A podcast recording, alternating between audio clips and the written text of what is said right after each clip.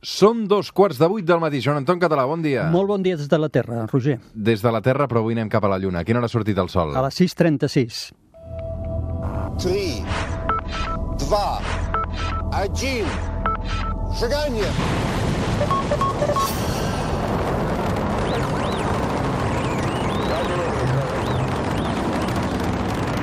One small step for man,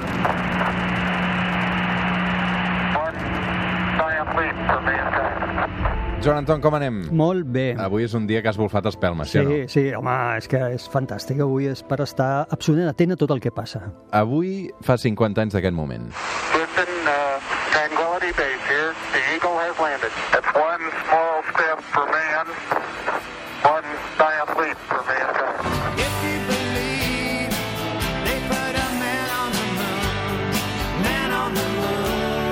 50 anys de l'home a la Lluna, Joan Anton. Mhm. 50 anys ja, eh? com On eres passa tu, on eres? Jo era en un petit poble d'estiueig, a Carol, a la província de Tarragona, amb la meva mare i el meu germà, i bueno, allà fent, fent colònies d'estiu, diríem, fent vacances d'estiu. Mm. Vas escoltar l'objectiu la Lluna d'ahir? Ah, sí, fantàstic, quin programàs. Un reportatge que es pot recuperar a www.catradio.cat barra el suplement, que podeu degustar també al llarg d'aquest estiu, perquè és un reportatge fet amb, amb molt d'amor per tot l'equip del suplement, per acabar també amb bon peu aquesta temporada, que vam enregistrar fa uns mesos a Fresnilles de l'Oliva, que ens va portar també l'Observatori Fabra, i que d'alguna manera rememora doncs, tot aquest instant en què Neil Armstrong va posar per primera vegada aquesta petjada allà a la Lluna. Avui, Joan Anton, el que ens hem proposat d'alguna manera són anècdotes, anècdotes Sí. d'aquell 21 de juliol de 1969, perquè a través d'aquest reportatge ja explicàvem una mica doncs, tot el que va passar, eh, el context, aquella batalla entre la URSS i els Estats Units, aquella cursa per, a- per l'espai, eh, cursa per arribar a la Lluna, com es van seleccionar aquests tres astronautes, quin paper va jugar l'estat espanyol també, eh, perquè va jugar un paper important, eh, petit però decisiu també en la transmissió d'aquesta de- de- d'aquest Apolo que va arribar fins a la Lluna, eh, la comunicació amb la Terra, i avui eh, el que ens fixarem d'entrada és amb aquest aterratge de l'Apolo 11, eh, perquè eh, aparentment va ser un aterratge sense complicacions i no va ser així. No, no, van tenir moltes dificultats. Una mica, una mica més i no tornen. Sí, des del punt de vista històric, jo un apunt que seria per la gent que ens escolta de que sàpiguen que, de fet, el descens del mòdul lunar comença el dia 20 de juliol. Eh? El que passa que l'Armstrong posa el peu a la Lluna quan ja és la matinada, i ja és per hora oficial nostra, a Europa, és el 21. Per això diem que el 21 és quan l'home posa el peu a la Lluna, però en veritat el descens és el dia 20. Doncs eh, els hi passen moltes coses. Una de les més greus, o que haurien pogut ser més greus, és que en el moment en què el mòdul lunar Eagle està baixant a la Lluna amb l'Armstrong i l'Aldrin dins, se'ls hi encén una alarma, que és la 1902, és un ordinador primitiu de l'època, en una pantalla i una llumeta que se'ls hi encén i un número, un codi d'error que posa 1202. Uh, I l'Aldrin comunica amb la base a Houston i diu, escolta, m'acaba de sortir 1202. Què passa? Estan baixant en allà. Llavors es dona, es dona la casualitat de que do- unes setmanes abans, en un, entrema, en un simulacre, eh, els coordinadors de simulacre, que eren personatges odiats, absolutament odiats per tot l'equip, perquè només feien que posar paranys a les simulacions per entrenar el personal, posen un parany que és fer sortir una alarma que pràcticament no està documentada, que justament és la 1202, de casualitat, unes setmanes abans. I la persona que és responsable d'interpretar l'alarma cancela la missió a la Lluna en el, en el simulacre i li cau una bronca. Tio, has cancel·lat, t'has carregat una missió, t'has carregat la nostra possibilitat de posar el peu a Lluna per, un, uh, per una alarma que hauries d'haver mirat i quan te n'haguessis donat compte haguessis sabut que era una alarma que no era urgent. Imagina't quina casualitat. Llavors se'ls hi encén el 1202 justament aquell dia, amb la qual cosa estan preparats. Mm. I aquest controlador, que és el que està al càrrec, se'n dona compte que és el mateix error que havia entrenat, ho comprova de seguida amb el MIT, amb l'Institut eh, de Tecnologia de Massachusetts, que està per línia telefònica, que són els que van programar l'ordinador i se'n donen compte que és un error que no és greu, és simplement l'ordinador que diu no puc més, em reinicialitzaré perquè són tantes les dades de radar Mm. que estic eh, rebent Per que tant, no tiren puc endavant l'aterratge. Tira endavant. I els L'aterratge torna... que... No sé si hem de dir aterratge o... Uh, a Fresnilles en deien el, el, el, alunizaje. l'unizaje, exacte. El, el, no sé com es diria en català, el, no, no ho sé, no ho sé, l'aterratge sobre la Lluna, a, a aquesta alarma se li encén diverses vegades i els tios ja, a la tercera vegada que se'ls encén, diuen tira, tira, endavant, endavant. I llavors eh, és quan comencen ja a fer l'última part del descens cap a la Lluna. Molt bé, això és el descens cap a la Lluna, però un cop toquen Lluna, Mm. i no Terra, o Terra lunar, Sí, aquell moment tampoc és fàcil. Què va passar, eh, sobretot a Neil Armstrong, perquè és el primer home que ha de sortir de la nau? Sí, de fet, en el moment en què estan a punt de tocar, se'n donen compte de que la nau va desviada de, el mòdul Eagle va desviat de trajectòria. Això és perquè va passat de trajectòria, acabaran aterrant molt més enllà, uns quilòmetres més enllà del punt previst. Això és perquè la velocitat que han assolit quan s'han separat del mòdul orbital és una mica, una mica més alta. I llavors l'Armstrong agafa el pilotatge a les seves mans, cosa que ja, ell ja pensava fer, perquè ell és un pilot i per tant ell tenia clar que aterrar a la Lluna no es faria automàticament, que ell a l'últim moment agafaria el control. Però aquest cop és que l'ha d'agafar de debò, perquè és que veu que està tot ple de roques, perquè s'han passat el lloc d'aterratge. Llavors ell pilota el mòdul lunar i el fa anar en horitzontal, fent que la caiguda sigui lenta i impulsant la nau cap a davant, buscant un lloc on aterrar. Recordem que van drets, no hi ha seients, el mòdul lunar no porta seients. Ell i Aldrin van totalment drets, agafats per uns cables, M'estàs dient que els tres dies que dura el viatge a la Lluna van dret? Absolutament. No, eh, Del mòdul lunar. Ah, del eh? mòdul lunar. L'aterratge. És a dir, el, el mòdul lunar no porta, no porta seients per estalviar pes. Llavors ells van drets en unes finestretes i van mirant i el mòdul lunar a l'Armstrong va pilotant per trobar un lloc eh, sense roques. I en divisa un i fa caure en allà al mòdul lunar quan apenas li quedaven 20 segons de combustible. 20 segons, de, perquè ell rep un avís un minut abans Sí, de que de la li gasolina acaba. s'acaba. Sí. I que o espavila i a terra o s'hi queden allà per sempre. Exacte. I a Houston també, òbviament, reben la mateixa alarma i tots creuen els dits sabent que el pilotatge està el Neil Armstrong, que és un excel·lent pilot de prova, i tots confien en que ell serà capaç de trobar el lloc on aterrar. Avui amb el Joan Anton Català al suplement recordant en aquest últim capítol de la Terra es plana d'aquesta temporada els 50 anys de l'home a, la, a la Lluna. Joan Anton, parlem molt de Neil Armstrong, però gairebé va ser casualitat que hi, ha, hi, hi anés ell. Sí, perquè podria haver mort en diverses ocasions, molt abans. Eh, Era un pilot experimentat, Sí. però havia tingut ensurts ja. Sí, era un pilot de, de proves, eh, que se'l considerava un pilot civil per part de la NASA, no militar, tot i que havia estat a l'exèrcit, eh, però i això és el que és una de les raons per les quals el tria la NASA per aterrar, perquè volien... La NASA és un organisme no militar, ja el van voler crear així, i per la NASA és molt important que el primer home que posi el peu a la Lluna no sigui militar, que en canvi l'Aldrin ho és, és un pilot militar. Llavors, a l'Armstrong un any abans, entrenant en un simulador de mòdul lunar, el simulador se li, se li tomba mentre està, crec que són a 60 metres d'alçada de terra, i ell intenta dominar la nau, no pot, i ejecta a la seva, el seu seient amb paracaigudes just quan la nau cau a terra i enmig d'una explosió es destrossa. Allà va estar a punt de morir i després va tornar a demostrar la seva enorme sang freda amb una missió de les Gemini, del programa Gemini, a la Gemini 8, quan la, la nau en la que ell pilota comença a girar descontroladament a, a dos revolucions per segon. Imagina't el que està, està dintre d'una centrifugadora, una nau, que et dona dos tons per segon. Ell no perd la consciència, és capaç de trobar, d'agafar els mandos i de dominar la nau per Mm. posar-la. I això també és un fet decisiu per qual el trien amb ell per pilotar el mòdul lunar. És fascinant eh, la passió també com el Joan Anton narra aquests fets que van passar fa 50 anys i que, que evidentment en continuem parlant perquè van tenir la transcendència que van tenir. Tu, Joan Anton, um, Mecano, te'n recordes? Sí, i tant, encara, recordo. sí. encara canten, eh? Fan concerts sé, encara. De... ho sé, ho sé. T'agradava Mecano? Mm, T'haig de confessar que no era el meu estil. Anna Torroja no era el teu estil? No. Ni no. quan et tocaven a la discoteca... No, és que jo no era, no era de animal de discoteca. No. Però segurament sí que saps que tenien una cançó Mecano que es deia Laika. Sí. Era rusa y se llamaba Laika.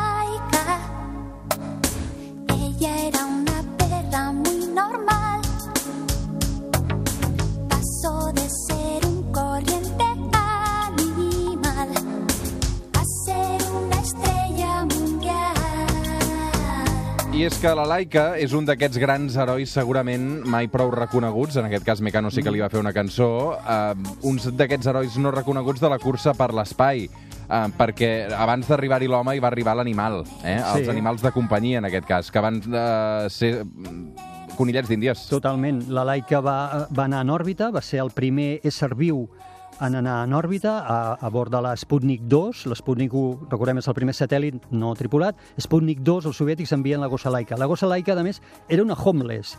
Era un animal pobret, abandonat als carrers de Moscou, que el van, el van reclutar, diríem, com a voluntària per la missió, i la van triar per dues raons, entre uns quants gossos. La primera és per la resistència que havia demostrat aquesta gossa de poder sobreviure als carrers de Moscou amb fred i tal. I la segona raó, pel seu caràcter dòcil, eh, la trien per tripular aquesta primera nau que s'envia a l'espai quan no se sap res, absolutament res dels efectes que produeix la ingravidesa i l'espai en el cos d'un ésser viu. No se sap absolutament res. La Laika aguanta quatre òrbites i mor dins de la nau, cosa que en aquell moment no es va dir. Mm. Es va dir que havia tornat a la Terra i que havia estat un heroi, en una heroïna. En, en realitat, va realitat, morir a la quarta òrbita caput. de, de calor, de les condicions de calor que feia dins la nau. Però és que, escolta'm, aquí regem molt de la laica, que si els soviètics, no sé què, no sé quantos, però els americans van fer tres quarts del mateix amb els ximpanzés, Oh, no? i tant, i tant. Els famosos Mercury 7, que van ser els set primers astronautes de la NASA que van orbitar els Mercury, doncs abans no s'enlairés el primer, que era l'Alan Shepard, abans d'ell es van enviar micos, es va enviar un mico en concret, que és el mico Ham, que era un ximpanzé, que es va enviar a l'espai justament per comprovar què passava. I sobretot el que li van fer a aquest pobre mico, li van posar uns electrodes, pobret, als peus, i el feien fer uns exercicis que estava entrenat a fer la Terra, que si els feia malament rebia una petita descàrrega. Què volien fer en això? Volien comprovar que les condicions de manca de pes de l'espai no afectaven a la capacitat cognitiva, a la capacitat per prendre decisions, que era fonamental saber això si es volia seguir el programa espacial. I eh, el tio es va comportar perfectament, va evitar només que dos descàrregues va tenir, però ho va fer perfectament i va, dem- va tornar viu Mm. i va demostrar que perfectament l'home, eh, si el ximpanzé ho havia pogut fer, doncs se suposava que l'home també podia anar a l'espai. Qui era Sergei Korolev? Sergei Kolorev era el pare de la, de la programa espacial eh, soviètic. Ell eh, era, va ser Sí, el és el gran fracassat de la cursa per la, jo arribar a la diria, Lluna. Jo no diria fracassat, perquè fixa't, totes les primeres posicions Ah. era, van ser seves, a l'Sputnik 1, a l'Sputnik 2, al Yuri Gagarin, tot això és És seu. Sputnik i pensar en Santifaro, el cap de continguts d'aquesta casa. Escolta, no em I què passa, despistis. tio, amb el número 3? no, digues sí. Doncs, eh, què passa? Que Korolev va morir a l'any o 66 o 67, ara no recordo, d'una forma inesperada. A la taula d'operacions l'havien d'operar d'una cosa trivial i la van descobrir en aquell moment un tumor i se'ls hi va quedar a la taula de l'operació. De no haver mort a Korolev, no sabem com hagués evolucionat el programa espacial soviètic. En tot cas, fins que ell no va morir, ell era el líder absolut del seu país. I és un tio que havia estat a les presons de Stalin, Mhm. a Sibèria, eh? perquè quan Stalin va fer les grans purgues de després de la Segona Guerra Mundial va, va, va- bueno, va pringar tothom en allà i un dels que va pringar era aquest enginyer eh, soviètic al qual acusaven d'endarrerir el programa de missils soviètic. El van enviar, el van condemnar a 10 anys de treballs eh, forçats a un camp de concentració de Sibèria. Lògicament després el van recuperar perquè van veure que era un tio amb un talent increïble i ell és el que fa que l'Sputnik vagi a l'aire, que l'Sputnik 2 vagi en òrbita, que el Yuri Gagarin s'enlairi. Som al Suplement, som a Catalunya Ràdio, avui acompanyats del Joan Anton Català, recordant aquesta efemèride. Avui, quan obriu els diaris, tots els diaris en van plens, perquè realment eh, molta gent ha preparat també monogràfics, perquè aquesta és una notícia mundial, Joan Anton. Sí. Això devia canviar... Eh, Ha canviat la història, és dir, ha Sí. marcat, el- la història s'escriu en punts molt concrets i aquest és un dels punts que escriu la història. I també hi ha uns punts eh, realment, no sé si dir foscos, però eh, què vol dir exactament que el científic rere el disseny dels coets americans era un nazi? pues mira, igual com dèiem que el Korolev és el pare de la, del programa espacial eh, soviètic, el bon, Werner von Braun és un alemany que és el pare dels coets americans, els que acabaran arribant a la Lluna, eh? i tots els anteriors, el programa sobretot Mercury, ell és el que impulsa els coets americans. I ell és un antic oficial nazi que va treballar fabricant les, gran, les bombes aquelles, les B-2, que llançaven contra, contra Gran Bretanya, contra Londres, i que a final de la Guerra Mundial Uh, ell és volgut tant pels soviètics com pels americans, ell i tot el seu equip, més de 500 persones que treballen amb ell, i ell s'entrega, ell i tot el seu equip prefereixen entregar-se als americans i uh, als Estats Units ràpidament els agafa, se'ls emporta cap als Estats Units i els posen a treballar en el programa de missils americans que acabarà convertint-se en el programa espacial americà. I ell és el pare de tots els grans coets i fins i tot del Saturn V, que és el gran coet que enlairarà els Apolos i que farà que l'home arribi a la Lluna. Uh, doncs això és el que va passar um, fa 50 anys, també una mica abans, no? perquè és tota la feina prèvia Clar. a, a aconseguir aquest moment. Sí, sí. Um, Joan Anton, un fenomen com aquest uh, s'ha tornat a repetir? No, no. Uh, en quant a nivell d'inversió i d'esforç, mai més. Eh? Alguna vegada ho hem explicat, arribar bé. Els Estats Units arriben a tenir més de 400.000 persones treballant amb la cursa espacial, amb uns pressupostos que són gegantins, fins i tot en aquella època i per ara, que uh, a partir de l'any 66-67, molt abans de que l'home arribi a la Lluna, però ja quan veuen enfilat el projecte, el pressupost comença ja a baixar, perquè no el poden mantenir.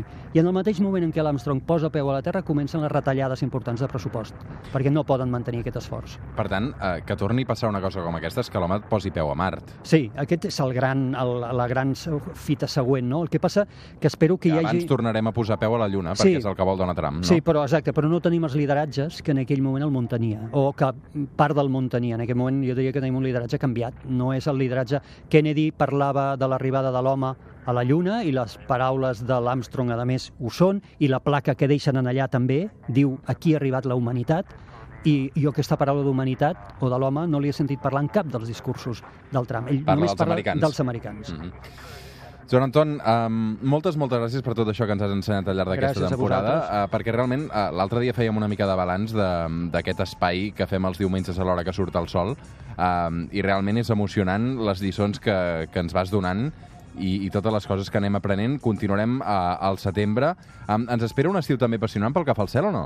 Uh, passaran coses. Per exemple, uh, Saturn i Júpiter estan molt ben posicionats i durant tota l'estiu en podrem gaudir d'ells. Jo sempre li dic a la gent, només cal aixecar la vista i trobar-los al cel. És molt fàcil de trobar-los i es poden mirar amb prismàtics Júpiter, li veurem els seus quatre principals satèl·lits. Uh, tindrem la pluja de Sant Llorenç, o nits del 11, 12 i 13 d'agost, les millors. Aquest any toca que hi ha lluna, però llavors la gent el que ha de fer és posar-se d'esquena, estirar-se, posar-se d'esquena a la lluna i mirar al cel buscant a la pluja les fugisseres. Per tant, sempre les fugisseres hi són. La Via Làctea, a l'estiu és un plaer anar a mirar-la, nit sense lluna. A l'estiu és un moment fantàstic per gaudir del cel, perquè a més acompanya la temperatura a les matinades. Avui molta gent segurament, quan es faci de nit, mirarà la lluna. Sí, avui s'ha de mirar la lluna i recordar i pensar... Com la tenim avui, la lluna? Avui la tenim minvant. Avui la tenim minvant i perquè va ser... Recorda que la setmana passada vam tenir, o el dimarts passat vam tenir eclipsi de lluna, que volia dir que la teníem plena, en aquest moment la tenim minvant cap a nova, però bueno, és minvant, la veiem de matinada. Per tant, la gent de matinada que miri el cel la veurà i podrà eh, recordar que allà hi han caminat 12 persones. Imagina't. Joan Anton Català, que passis molt, molt bon estiu, Igualment. molta sort. Gràcies a tot l'estiu a l'Observatori Fabra, no? Sí, tot l'estiu treballant amb el que més m'agrada. Doncs també és un bon pla aquest estiu, si no sabeu què fer algun vespre, us escapeu a l'Observatori Fabra a mirar el cel i trobareu el Joan Anton Català fent unes conferències fantàstiques sobre ciència, sobre astronomia, eh, amb un, també amb uns àpats excel·lents. Joan Anton, una abraçada. Igualment, gràcies. Pausa i continuem aquest eh, suplement.